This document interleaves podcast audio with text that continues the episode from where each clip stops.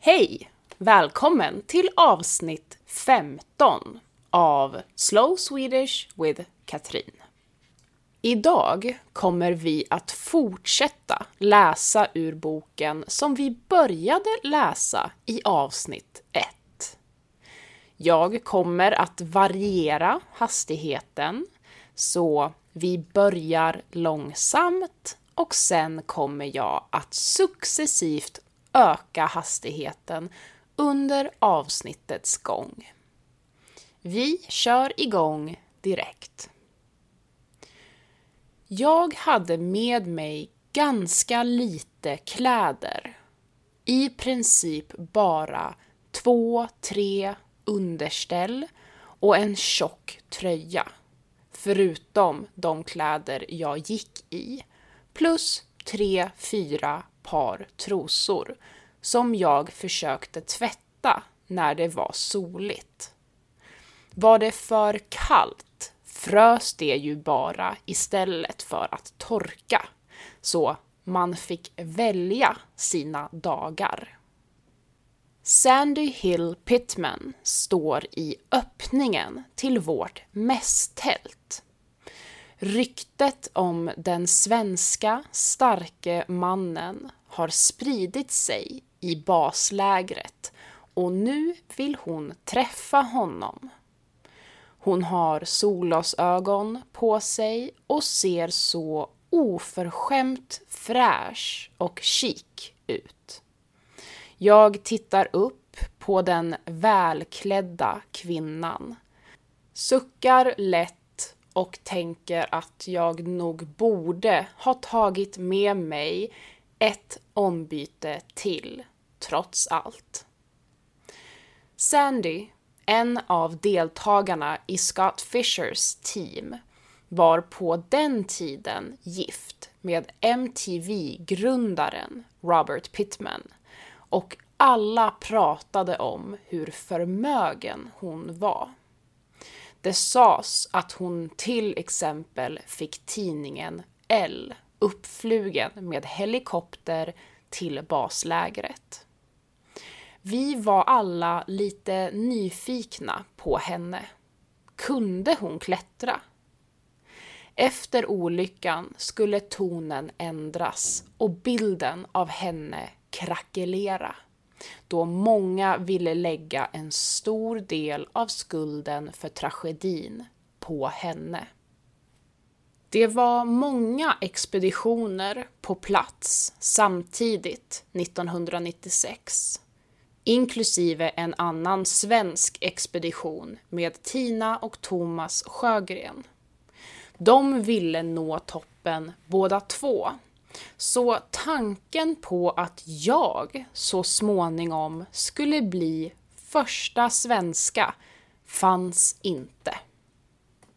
Tina var ju där och jag antog att hon skulle lyckas. Men jag glömmer aldrig när de kom in i vårt mässtält för första gången och när hon fick syn på mig direkt frågade Ska du också upp på berget?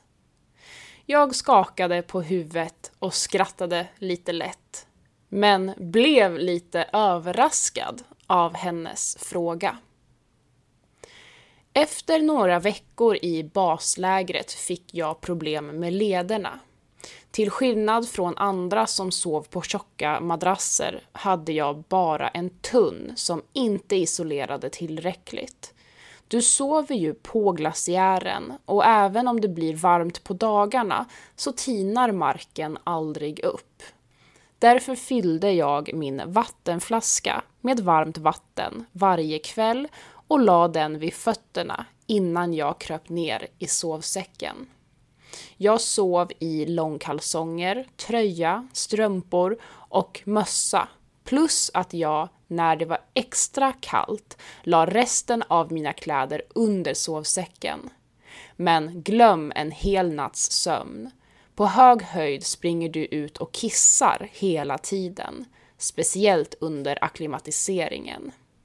Du vet att du snart måste sätta på dig skorna och ge dig ut i kylan för att kissa fort så att du hinner ner i sovsäcken igen innan den kyls ner. Bara den tanken gör att det blir svårt att slappna av.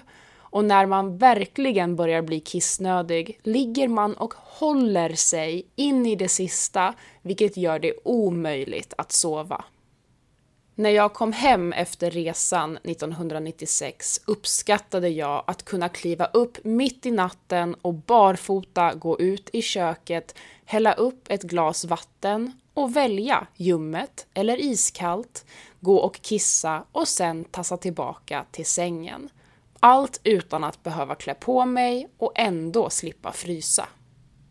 På dagarna kan det vara ganska behagligt i baslägret, men är det molnigt eller snö vill du helst inte lämna tältet.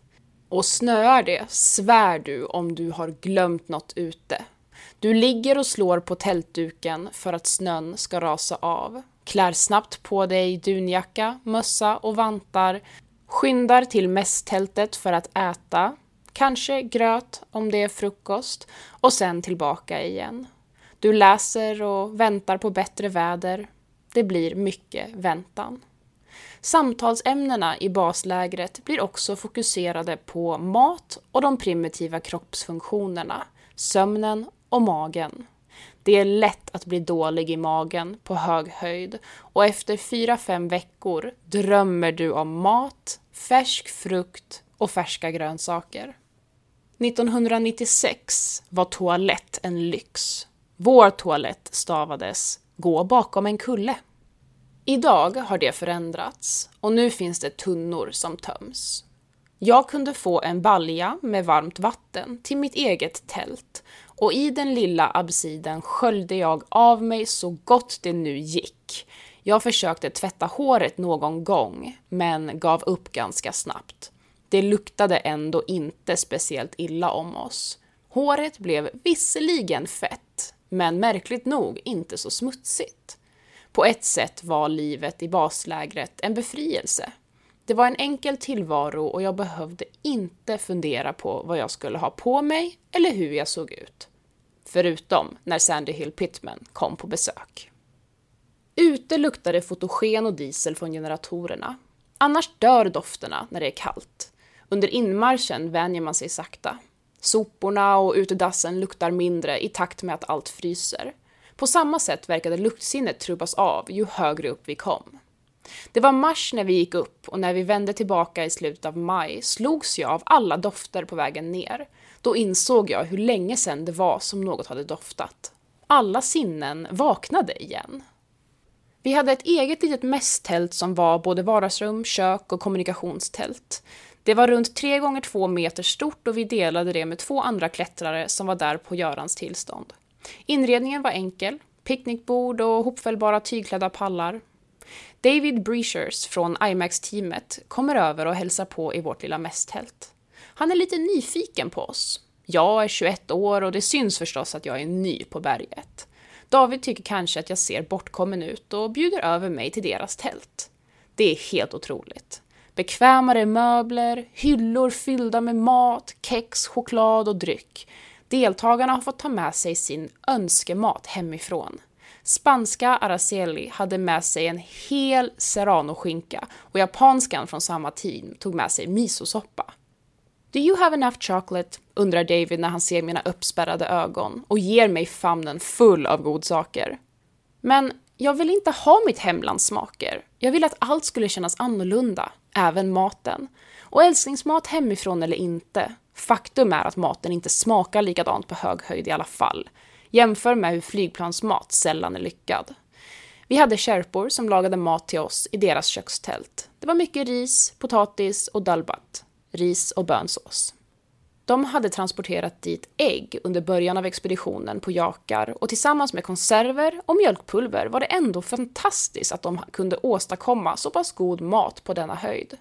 Jag trivdes i värmen i kökstältet. Männen var glada och visade gärna bilder på sina familjer som de var borta från hela säsongen. De hette Pemba, Lakpa, Mingba och några namn till. Jag fick förklarat att förr fick kärporna namn efter vilken dag de var födda. Alltså fanns det bara sju namn från början. Frågade du efter Pemba så kom inte bara en Pemba springandes. De bodde flera i varje tält, vilket förstås var smartare för det blir varmare så, medan vi låg ensamma och frös. Det var allt för den här veckans avsnitt av Slow Swedish with Katrin. Vilket nytt ord har du lärt dig i dagens avsnitt? Berätta på Patreon. Vi hörs i nästa avsnitt. Hej då!